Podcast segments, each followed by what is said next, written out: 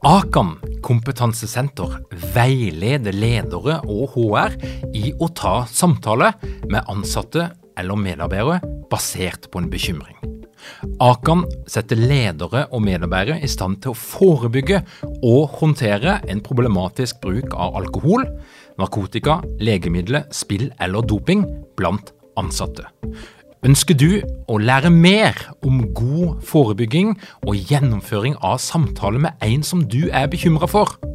Da kan du nå få tilgang på Akan sitt digitale samtalekurs til spesialpris, kun 760 kroner. Målet med kurset er å gjøre deg tryggere i det som kan være en krevende, men viktig samtale å ta i lederrollen. Du får tilgang til kurset med å gå til samtalekurs.no, samtalekurs.no, og bruke kampanjekoden LEDERPODDEN. Tilbudet gjelder ut april.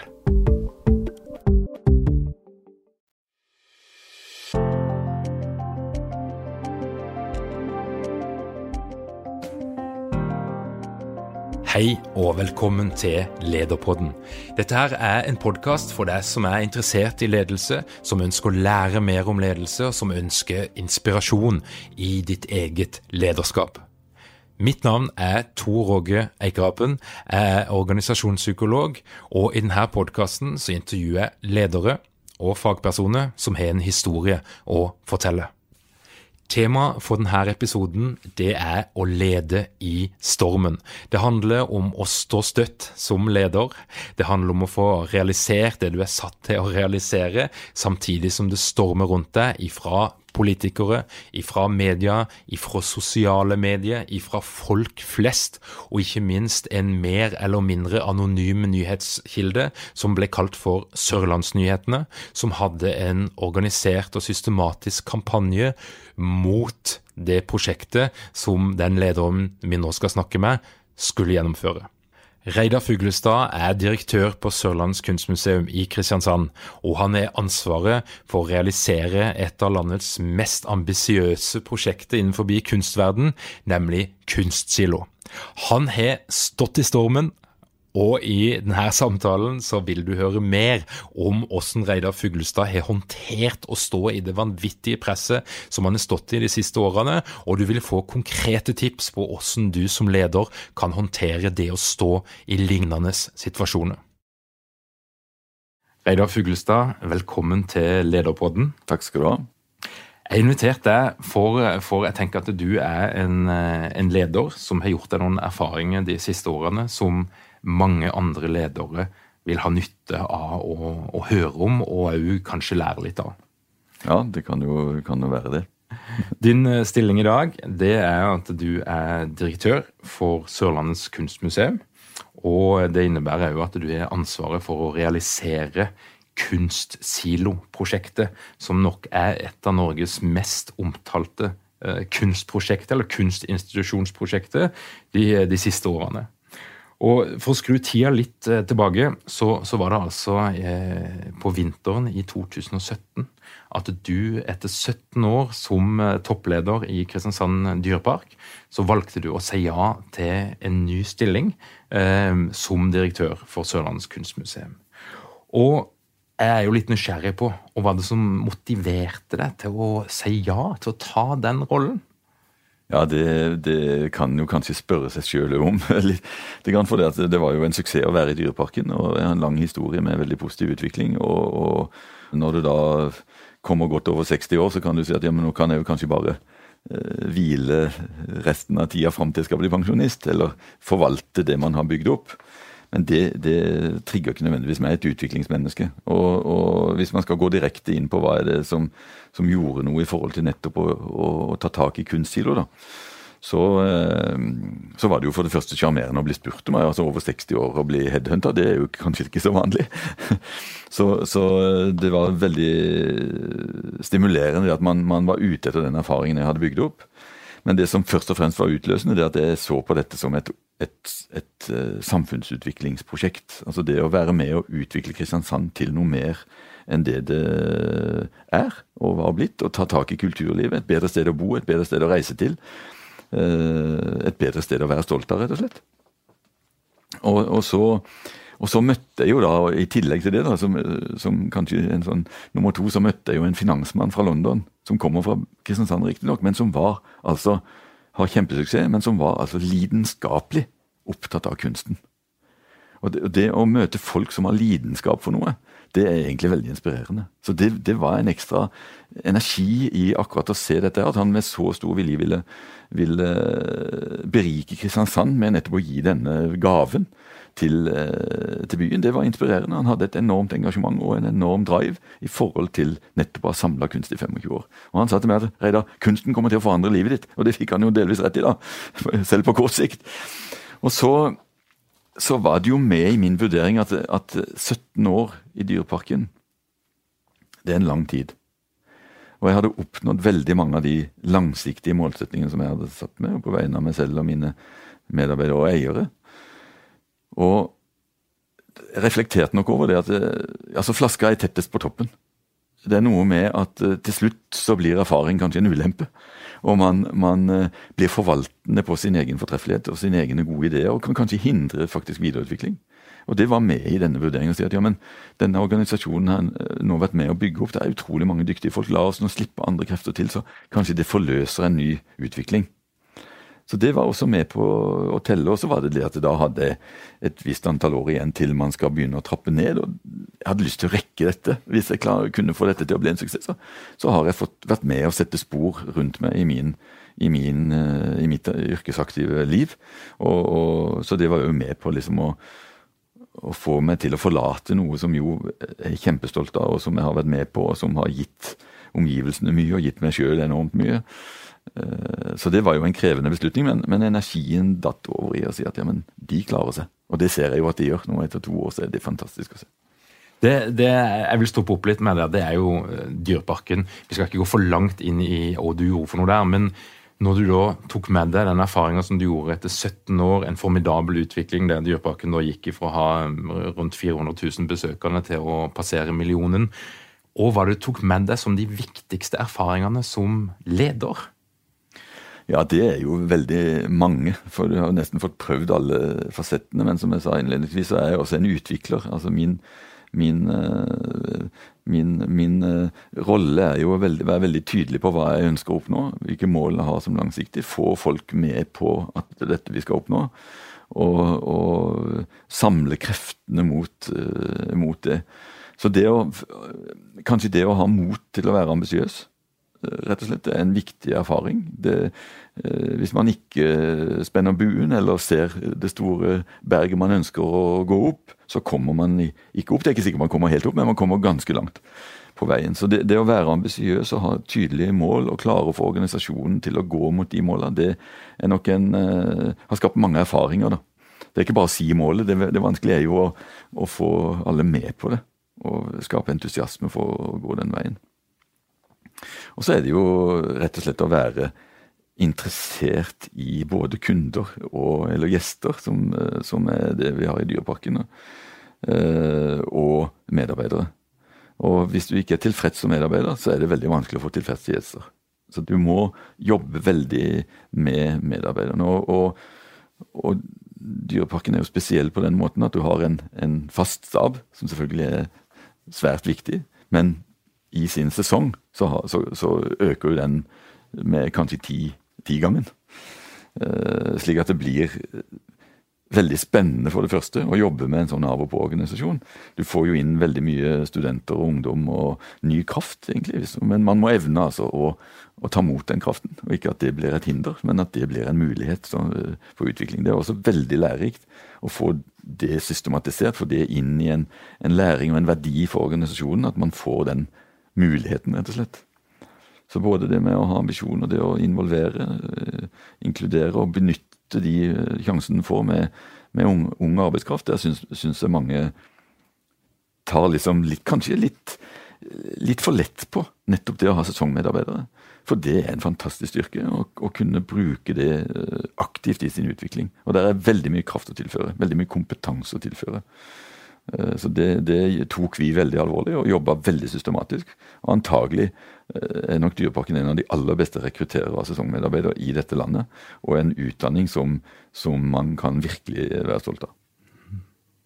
tilbake til, til Kunstsilo-prosjektet. Mm. I Dyreparken så, så, var du i en rolle som var relativt lite kontroversiell. Eh, et, et, et eh, selskap og et prosjekt som, som, eh, de fleste i landet vårt har et positivt forhold til. Mm. Sikkert krise som måtte håndteres der òg, men utad en, en, en, positiv posisjon å være i. Mm.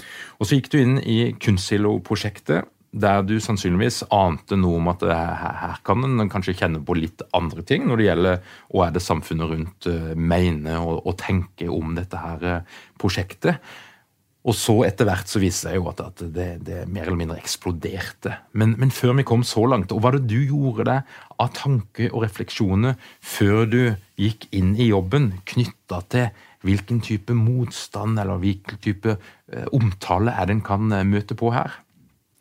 Ja, altså Først og fremst så var jeg jo veldig klar over at min kompetanse og erfaring eh, ville være kontroversiell inn i et, eh, i et, kunstmuseum. Fordi at jeg er en kommersiell person. Jeg har drevet riktignok med masse kultur som, eh, og formidla kultur, og jobbet i, i, i, spillet mellom børs og katedral i, i uh, Dyreparken. Men eh, jeg var forberedt på at det skulle bli kontrovers når, når eh, jeg skulle begynne i et kunstmuseum. Og, og, Morgenbladet sa det jo veldig tydelig. Nå er Julius kommet til Kunststilo. Og det er klart, de anerkjenner jo ikke akkurat kompetansen. Så så har jeg noen ganger sagt at sjimpansene har en intelligens som er ca. 97% av det mennesket har. Eh, ikke ulikt en nordmann på lørdagskvelden, men, men så, sånn sett så er det kanskje ikke så galt. Men, men, det var jeg klar over på forhånd. Og det ble jo også en heftig diskusjon. og, og og få har vel kanskje opplevd å, å sitte eh, til torgs med 250 tilskuere på Kick kafé, til dels øldrikkende tilskuere, som skulle være med på å diskutere min ansettelse, eh, sammen med et panel på scenen. Det er en heftig opplevelse og en, en, en uh, ting du måtte stålsette seg til. Så jeg, jeg, stålsatte meg til å være der. For det første skulle jeg jo innlede, og til å gå rundt blant folk. Eh, den dagen. Men da var jeg nokså vaskefille når jeg kom hjem, for å si det sånn. Så det, det, var jeg forberedt på. Men det som var noe eh, mer overraskende for meg, og som jeg egentlig ikke, eh, ikke var forberedt på jeg, jeg, trodde rett og slett at den politiske prosessen var kommet lenger. For denne gaven ble jo annonsert i, i begynnelsen av, eller i april 2015. Så det var jo to år før jeg ble ansatt. Så det at, dette nå, at det skulle bli en helt annen politisk diskusjon, en, en folkediskusjon, det kunne jeg for så vidt stå, men at den ble en helt annen politisk diskusjon, det, det var nok litt overraskende synes, eh, for meg. Jeg var ikke forberedt på det på samme måte. For den, den, følte jeg at uh, der var det et flertall for å gjøre dette, og det var en liksom forankra politisk, men det viste seg jo at det var det kanskje ikke uh, så sterkt som man kunne tro. Nå, nå, var det du skjønte at her, her, er vi inne i noe som kan bli stort. Det kan få med oppmerksomhet, og kan, her kan det bli en motstand som er noe annet enn det en har sett andre plasser. Ja, så Det gikk jo ikke så veldig lang tid før jeg skjønte det. så I løpet av det første halvåret så, så var det jo touch til å begynne å ha type motstandsmeninger. Men det som som kanskje forløste hele diskusjonen, det var jo når Kultiva valgte å bevilge 100 millioner til Kunstsilo. Eh, Når var det? Det var desember 2017. Og da, Det var jo da det egentlig eksploderte i diskusjonen, hvor, hvor uh, masse krefter kasta seg på uh, dette, som jo man ikke kanskje hadde, hadde forutsett at kom inn i, i den diskusjonen. Så da, da, da, tok det av. Så fra, fra desember 2017 til juni 2019 så har det jo vært en, en grassat eh, oppmerksomhet og en voldsom eh, fokus, og en polarisering, dessverre, i byen eh, rundt dette. Og jeg hadde ikke noe problem med å forstå at ja, bruk av offentlige penger er, skal være gjenstand for debatt. Skal være kontroversielt også. At man skal tåle den diskusjonen som det skal, skal være. Og man må være Eh, liksom forberedt på å være villig til at folk er altså Sin egen oppfatning er en oppfatning, og så er det noen andre som har en annen oppfatning. Og vise respekt for at det er ulike syn på dette, og at man har ulike oppfatninger av hvordan dette skal forvaltes. Det synes jeg er helt naturlig, men her det jo, eh, tok jo dette av i en helt annen karakter, syns jeg. Og Hvis vi begynner med den første fasen, for det, det var jo altså noe som handla om din person. Det handla om din kompetanse, altså i hvilken grad du var den rette til å realisere dette her ambisiøse prosjektet. Og I tillegg så ble det jo noe personifisert knytta til, til, lønn, og, og, og, det ble en offentlig diskusjon knytta til dette her, som vanligvis er en, er en privatsak mellom en arbeidsgiver og, noen, og en arbeidstaker. Men her ble det altså beretta ut. Mm. Og Hvis vi begynner der med denne litt sånn personifiseringa og det, det, fokuset som var på deg og din, din rolle, hvilke, hvilke, strategi velger du deg som leder for å gå inn i det? For nå hører jeg du si at du, du stilte opp på, på debatt og panelsamtale som handla altså om deg, din person og, og din rolle. Men, og, og, og, noen hadde nok valgt en helt annen strategi, som, som f.eks. å gjemme seg litt vekk eller å lukke, lukke døra. Men, men fortell litt, og, tenkte du før du valgte en strategi? Ja, jeg har alltid vært tilhenger av å ha en åpen, øh, åpen tilnærming til øh, omgivelsene. Og vi var forberedt på at, at uh, dette med lønn var kontroversielt. De som ville ha meg inn i dette, hadde jo selvfølgelig Det var unaturlig for meg å, å gå, ned, gå, ned, i lønn for å gjøre dette. Og det ble jo en, en, en delvis finansiering av min lønn som var utenom det som var det felle, offentlige fellesskapet. Så sånn sett så så, så, følte jeg det var en, en, løsning som var ok å leve med. Men vi visste at vi måtte gå ut med det og være helt åpen på det. Det var ikke noe, noe vits i å gjøre noe annet. Så det må en tåle. Uh, så det syns jeg ikke var noe, noe vanskelig. Også, men den andre kompetansemessige delen den kunne man jo ha valgt og sagt at ja, men men herregud, kan de ikke anerkjenne min kompetanse, da? Det viktige for meg da var nok at jeg var såpass trygg på det jeg sjøl har gjort og det jeg sjøl har fått til, og det, den kompetansen jeg står for, hva jeg kan og hva jeg ikke kan. Jeg har ikke hatt noe vanskelig for å være ærlig på det jeg ikke kan noe om. Uh, historien viser jo at jeg har gått inn i flere lederjobber hvor jeg ikke kunne noe om det på forhånd. og det Både med Dyreparken og med, med før det så var jeg jo i, i, i Color Line og kunne ikke noe om ferjevirksomhet heller. Så det hadde jeg for så vidt et nokså avslappa forhold til. Og, og, mange i min omgivelse visste jo min historie og, og, hvordan jeg som person er, og hvordan jeg som leder, og hvordan jeg, jeg forholder meg til omgivelser og, og, kolleger osv. Så, videre. så det, det følte jeg var det, det, levde jeg helt greit med. Jeg, jeg, følte meg trygg i meg selv. Men hadde jeg vært 20 år yngre, så tror jeg kanskje jeg hadde hatt mye vanskeligere for det. For da har du kanskje ikke samme trygghet, og du lar det lettere i gåseøyne vippe av pinnen og blir mer usikker på hvor du sjøl står. Så det var nok en fordel for meg at jeg hadde øh, en del år på baken og, og hadde gjort meg erfaring og visste liksom øh, hvor det står. Men jeg var aldri i tvil om at vi måtte ha en, en åpen holdning til dette her. Altså det, Hvis vi ikke kan snakke om det, så skal vi la være å gjøre det. Det er liksom en god, en god inngang. Så den filosofien har jeg forvalta i, i, de jobbene jeg har, har, vært i og hatt lederrolle i, og det var helt naturlig for meg å ta inn i, i, dette her. Og i tillegg så står det jo her og skal på en måte forvalte offentlige ressurser, så da skulle det jo bare mangle, egentlig, at ikke man skulle, skulle ha den åpenheten. Så hvis jeg skjønner riktig, så var den første fasen, altså den som var før desember 2017, den var eh, til dels som forventa, og, og, noe som du hadde verktøy for å håndtere? Ja, øh, verktøy på den måten at jeg, at jeg var relativt trygg, eh, trygg, i meg sjøl. Og det som jo var med på å, å føle det egentlig veldig godt, da, det var at jeg ble veldig godt mottatt av de kollegaene som jo var antagelig like overraska som alle andre at det var meg som skulle ha den jobben. Og Det var egentlig veldig positivt overraskende for meg, for de kunne også veldig lett vært kritisk til min kompetanse inne i denne organisasjonen. Men der opplevde jeg ble tatt imot med åpne armer. Den kompetansen jeg, jeg sto for, den, den virka det som de hadde en klar oppfatning av at dette, dette han kommer til å tilføre noe til den reisen vi skal være med på. Og alle de visste jo at de skulle med på en sånn spennende reise for disse avtalene for Sørlands Sørlandets kunstmuseum til å bli kunststil, og de var jo gjort.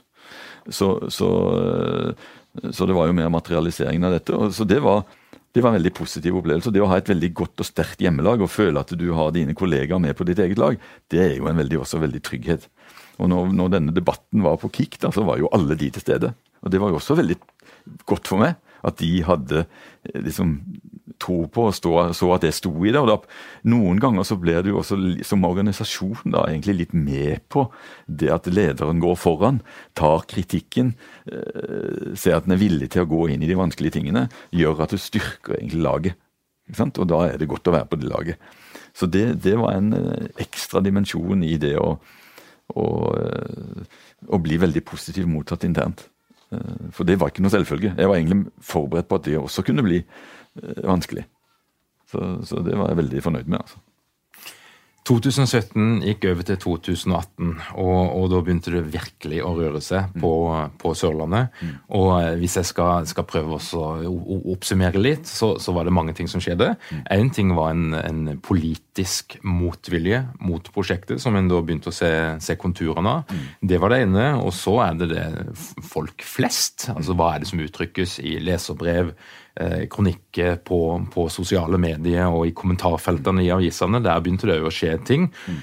Og ikke minst så, så, kom etter hvert dette her fenomenet som, som, fremdeles i en eller annen form lever, som da eh, ble kalt for Sørlandsnyhetene, som jo var en mer organisert form for motstand, det, som òg var funda av, av, penger, bl.a. fra uh, Einar Øgrei Bransdal, kjent fra, fra netthandelen. Mm. Um, og det var anonyme artikler. Eh, og det var en heftig form for kampanje som en egentlig ikke hadde sett så mye av eh, her til lands. Eh, så, det var noe ganske nytt. Mm. Og, og, du og din organisasjon ble jo utsatt for alt dette her samtidig. Mm. Og, og, og, det tok jo noen former, en, et, et, et volum og, og frekvens som, som, er en helt en særstilling. En har rett og slett ikke sett det i den grad før, egentlig i, iallfall ikke i, i vårt land. Um, hva er det som skjer for noe? Hvordan vil, du, hvordan vil du kommentere det som skjer i den der fasen der? Nei, altså Det er jo ikke så lett å egentlig kommentere, for det kan jo bli veldig mangfoldig i, i kommentarene. Men det, det, er kanskje litt lettere å prøve, prøve å kanskje oppsummere litt hva slags, hva slags uh, refleksjon kan man sitte med nå i den, i den fasen jeg nå er i. Når en prøver å se tilbake på dette her. Og hva er det som Hva har det, hva har gjort Uh, hva har, hva har prosessen uh, liksom vært? Og da, Hvis en skal se litt overskriftsorientert på det, så, kan den jo, så, så er det jo definitivt vært veldig spennende. Veldig krevende. Men det har også vært lærerikt og veldig utfordrende. Altså, det, som, som, leder så, så, er, så, er, det jo så er det jo de orda synes jeg, som favner det på en måte har vært igjennom. Og så på den mest lærerike delen, altså egentlig den politiske prosessen, som, som uh, for meg Jeg selvfølgelig jobba opp imot politiske myndigheter før, og, og, og, og, jobbet med saker som også skulle gjennom politiske uh, reguleringer osv. Men dette ble jo veldig intenst, for her skulle du, skulle du ha politiske partnere som skulle være med og ta beslutninger på det prosjektet jeg skulle realisere. Så det var jo en veldig lærerik prosess, og veldig mangfoldig prosess, og utrolig mange steder hvor du skulle ha kontakt. Og så er det den finansielle delen, da, som gjorde at du skulle finansiere prosjektet på en annen måte enn det jeg har vært vant til før. Altså Enten så kom du gjennom hos eier, eller så kom du ikke gjennom. liksom. Så det, var, det, det er også en annen måte å, å jobbe på.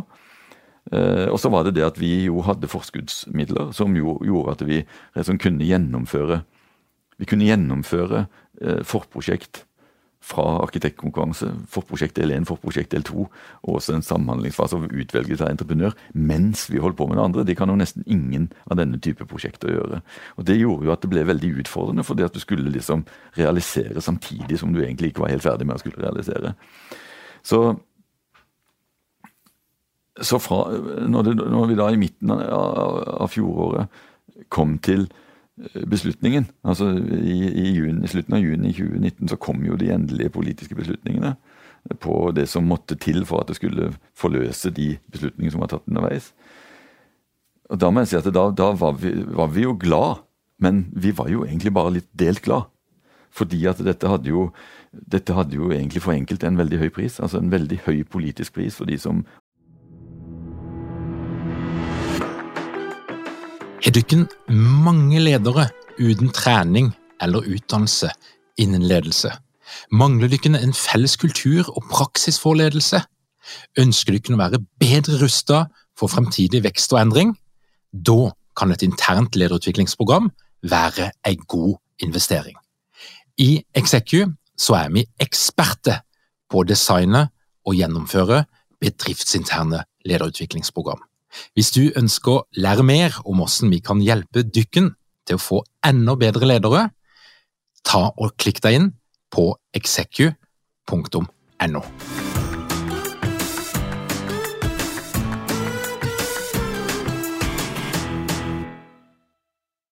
Hadde kjempa for dette, viste det seg jo at valget kom til å gi. Eh, mange enkeltpersoner som var blitt utsatt for sjikane og løgner og konspirasjoner. Som, som, eh, som, selvfølgelig var en del av den følelsen vi satt med. Selv om vi, Du klarer liksom ikke å juble på samme måte når dette har gjort. Og så er det dette med at det er splittelse og polarisering i byen, som du toucher innpå her. Så, så er jo også folk, mange folk forholdt seg til dette her uten helt å vite. Kanskje hengt mest opp i, i feile fakta og, og, og, og blir lett troende på spekulasjoner om kameraderi, selv om det er helt feilaktige.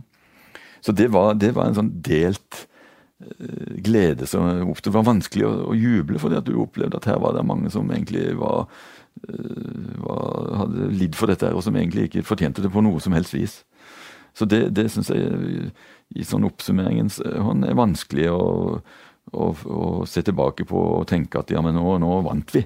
Jeg føler ikke vi vant, jeg føler vi fikk beslutningen. Men det er altså en, noen broer som skal bygges. Det er noen, noen som, som, har vært tvilende til dette her, som jeg gjerne skulle se at hva gjør vi for å få de til å si at ja, men når de ser kunstsilo, det var ikke dette vi var imot. Så det er en, viktig jobb fremover å skulle ta tak i det. Når du er eh, en ansatt i en virksomhet som blir utsatt for så eh, massiv negativ omtale over så lang tid, for det er jo litt av det som er spesielt her, og som, og som skiller seg fra litt fra lignende saker, det er jo at det, dette her gikk jo ikke over. Det, det fortsatte jo med, med, egentlig lik styrke, og kanskje forsterka òg, fram mot første spadetak. Uten tvil.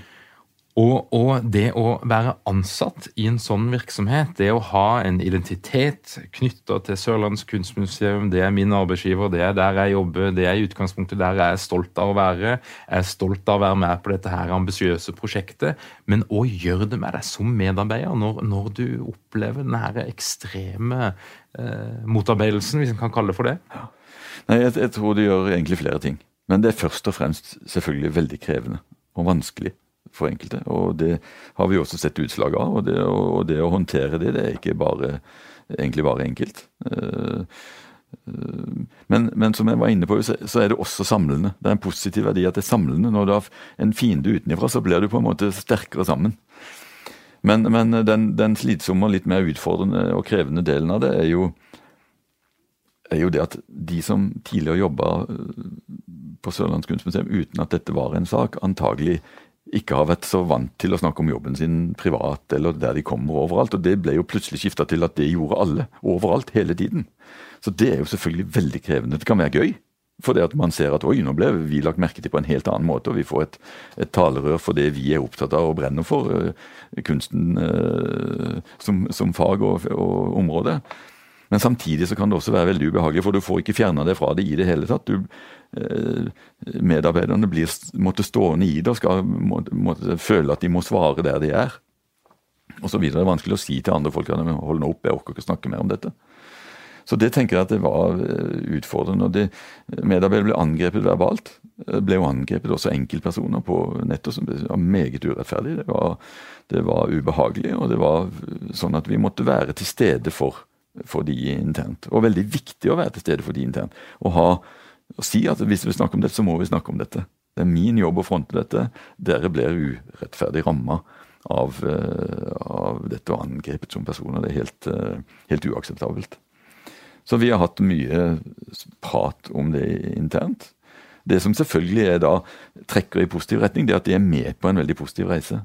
De er med på en utviklende øh, jobb. De er med på å skulle bli fler. De er med på å, å, å skape noe nytt på spennende for sitt, eh, sitt område som de er engasjert, uh, engasjert, i. Men først og fremst så tror jeg at det, for meg som leder i dette, så var det viktig å være til stede. Viktig å, å være villig til å, å, å, se deres utfordring med det, snakke om det.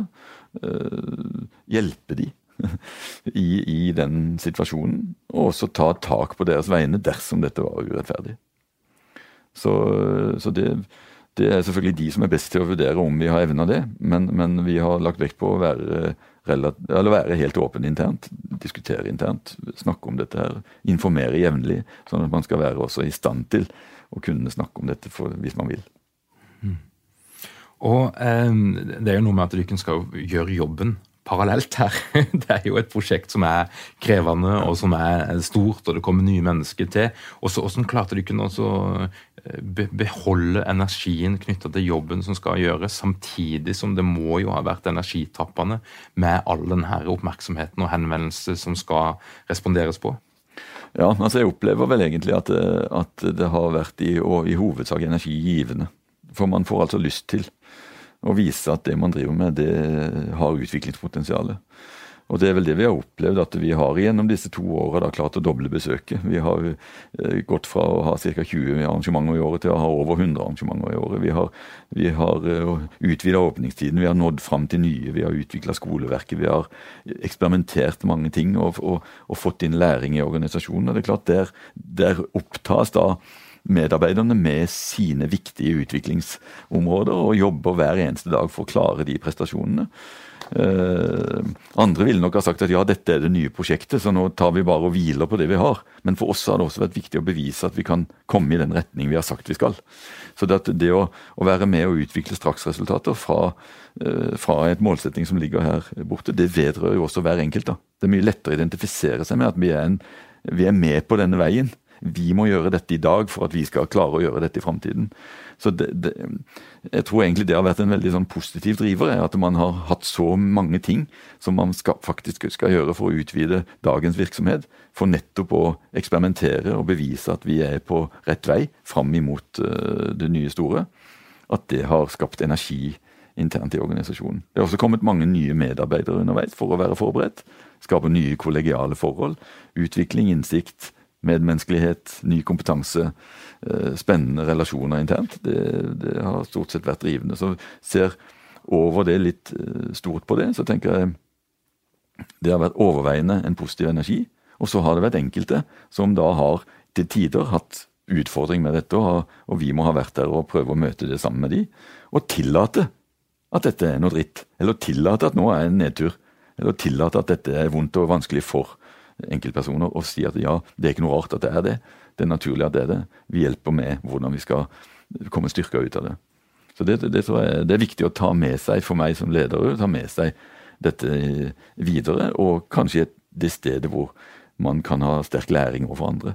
At dette, den måten å, å, å, takle dette internt i organisasjonen på.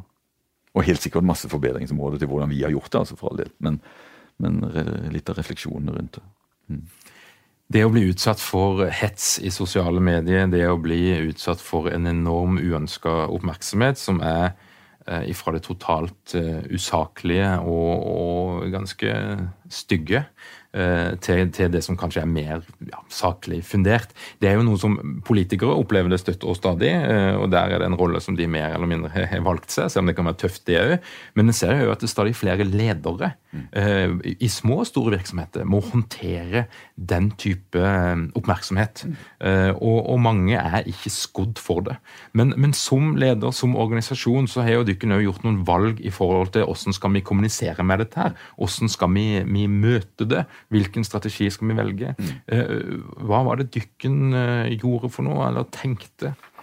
Ja, altså Vi eh, tenkte jo selvfølgelig en del av dette på, på, på, forhånd. Den viktigste strategiske diskusjonen om hvordan vi skulle håndtere kommunikasjon, den skjedde nok når vi så hvordan det tok av. Så da samla vi oss om en måte å, å gjøre dette på. og Det første var jo at jeg som leder jeg må være tilgjengelig. Forberedt og villig til å svare på spørsmål og kritikk. Ehm, og vi hadde begrensa ressurser. Da hadde jeg ikke fått bygd opp hele min ledergruppe engang. Så vi visste jo at vi hadde begrensa ressurser, og da må en foreta noe valg. Så vår uh, strategiske tilnærming ble, ble, i hovedsak litt av, det, av, dette, rett og slett. Vi, jeg var opptatt av å få presentere mine fakta og min historie, og vår historie om kunststilo. Kunstilo Eh, så mange steder som overhodet mulig. Jeg har sikkert eh, i løpet av de halvannet åra holdt kanskje 250 direkte presentasjoner. Møtt ganske mange mennesker direkte, én til én, med spørsmål og svar. Presentasjon og fortelling om de, hvordan vi har bygd dette opp, og hva vi tror på, og, og så videre. Så det, det var veldig viktig. Og definitivt så var det jo enormt viktig å sørge for at man brukte ressursene inn mot de som faktisk skulle ta beslutning på det jeg var avhengig av for at vi skulle få realisere prosjektet. Så mot kommune, region, fylke, stat og alle private partnere som er en del av denne, dette fellesskapet som nå står, til, står bak Kunstilo, der måtte vi jo bruke ressursene. Vi kunne jo ikke bruke ressursene på de som ikke kunne påvirke dette, så det ble også et direkte valg. Um, og så valgte vi at det skulle være direkte tilgjengelig uh, og åpen for alt som skjedde i den profesjonelle pressen. Altså Media de må få svar. Det er veldig viktig at vi er til alle døgnets tider bare tilgjengelige og, og svarer på både kritikk og angrep og positive teter som skjer i det profesjonelle media. Og det har jeg vært. Og så bestemte vi for at vi skulle ikke drive gjørmebryting på sosiale medier. Eh, for det første så hadde vi ikke ressurser til det eh, i det hele tatt. Men så er det også sånn at hvis du slåss med feieren, så blir du svart. Det hjelper på en måte ikke om du har rett eller galt. For det er alltid krevende å gå inn i den type eh, som dette viste seg å være, og viste seg definitivt å bli. Så det valgte vi, og det har vi heller ikke gjort.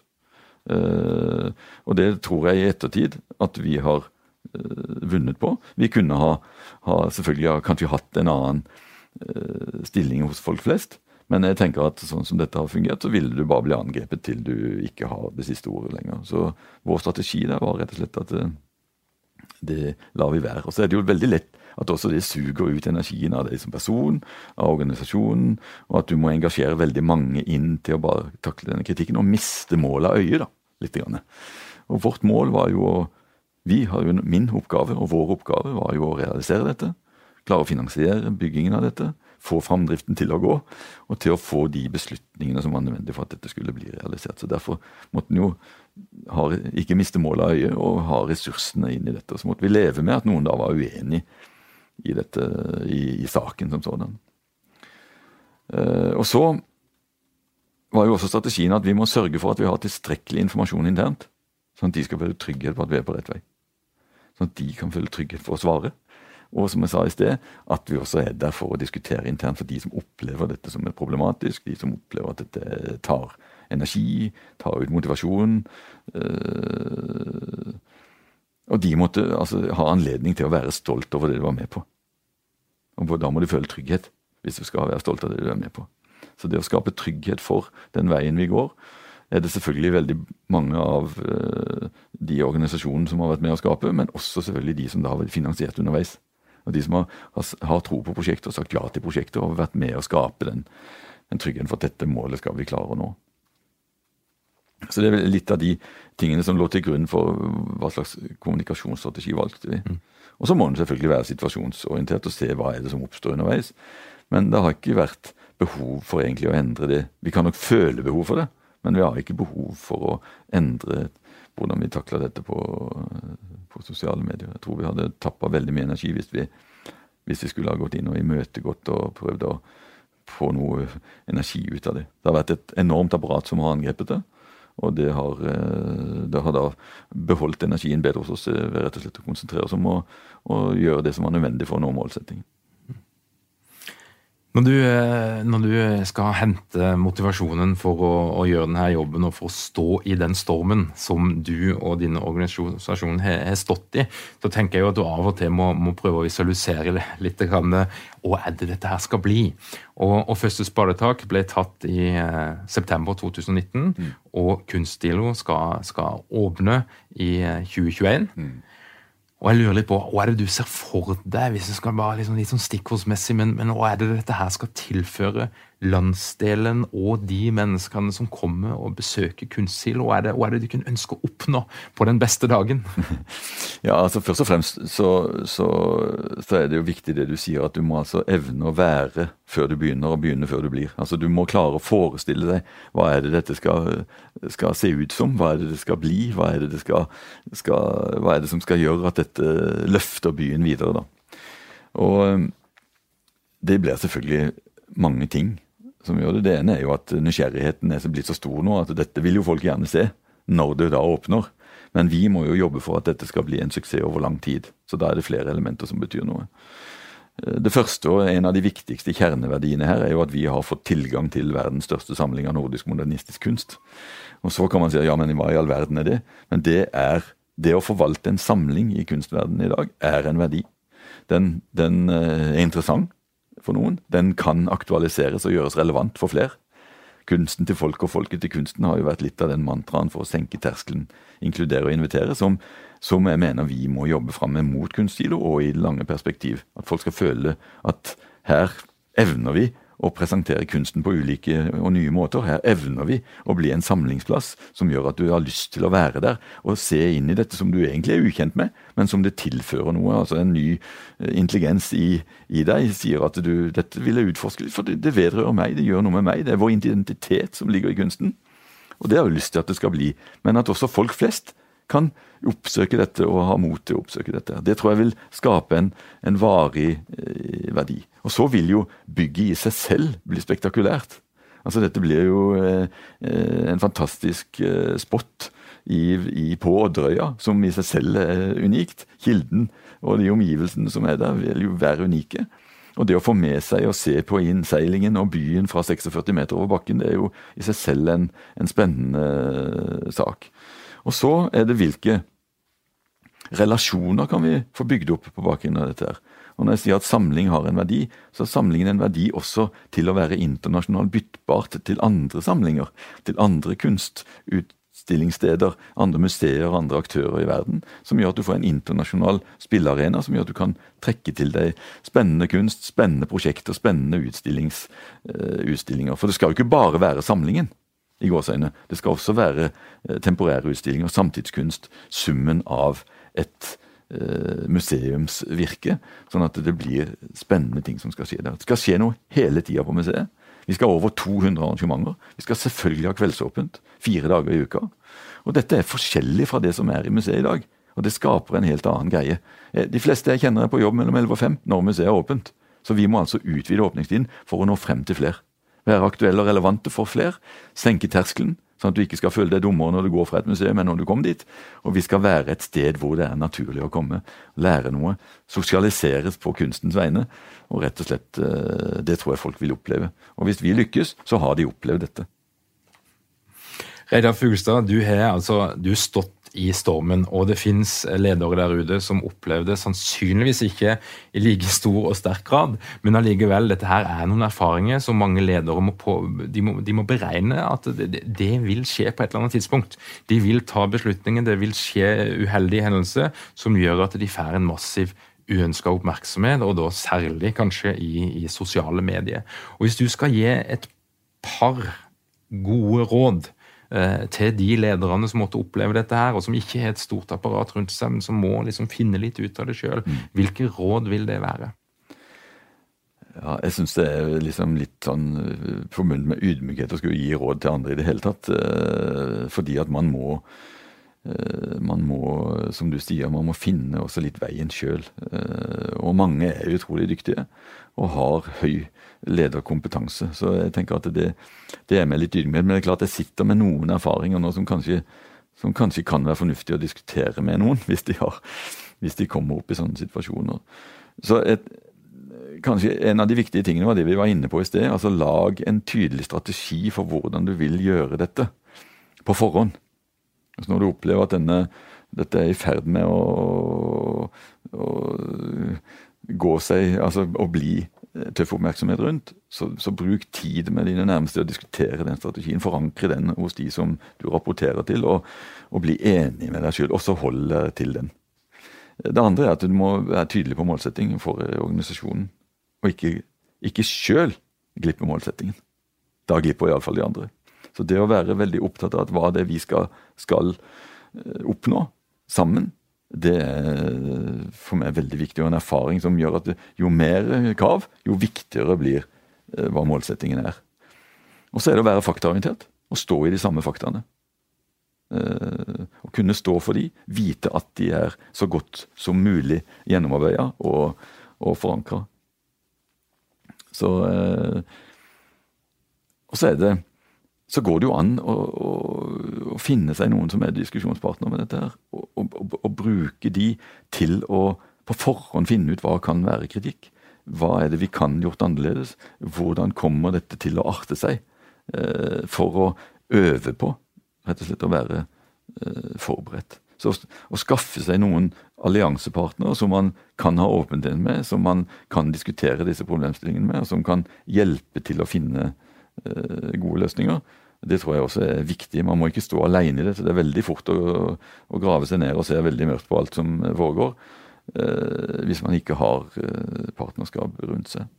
Så det, det tenker jeg at For meg så har den, denne perioden vist at det er veldig viktig å ha.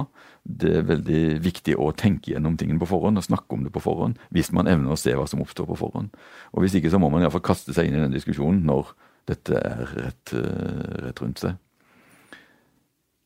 Og så, så, er jo min erfaring at det er ikke så veldig farlig å innrømme at man ikke har tenkt på alt. Eller at det er noe man ikke kan. Eller at man eh, ikke evner å nødvendigvis møte alt dette her det er ikke nødvendigvis eh, gitt enhver å skulle møte alt dette. Så det å, å vise sin egen uh, utilstrekkelighet og ikke være så redd for det, det tror jeg man både vinner på, spesielt overfor seg sjøl, og kanskje også i omgivelsene. At det, det er ikke noen superfolk her som, som, uh, som typisk skal møte dette helt annerledes enn alt annet. Man er bare et, et menneske og, og har et, et, helhetlig liv, og det må man være ærlig i forhold til. Så, så jeg tror det å det å være trygg på seg sjøl, det å kjenne hva er, det, hva er, min kompetanse, og hvor er mine utilstrekkeligheter, det, det, går an å være åpen på. Og det er selvfølgelig lettere, som jeg sa innledningsvis, at når man har noen år på baken, så blir man tryggere i sine egne sko. Og det er lettere å også være åpen på hva man ikke strekker til på, og hvor man trenger hjelp, og hvor man skal bygge opp med, med andre ressurser. Det, så min erfaring her nå er at det, det er ikke så farlig, det. Reidar Fuglestad, tusen takk for at du kom til Lederpodden. Takk skal du ha for at jeg fikk muligheten. Du har nå hørt Lederpodden, som presenteres av konsulentselskapet Skagestad pluss Eikerapen. Hvis du ønsker å få hjelp og bistand til å bli enda bedre på ledelse, kultur og samhandling, så kan du sjekke ut våre websider skageike.no.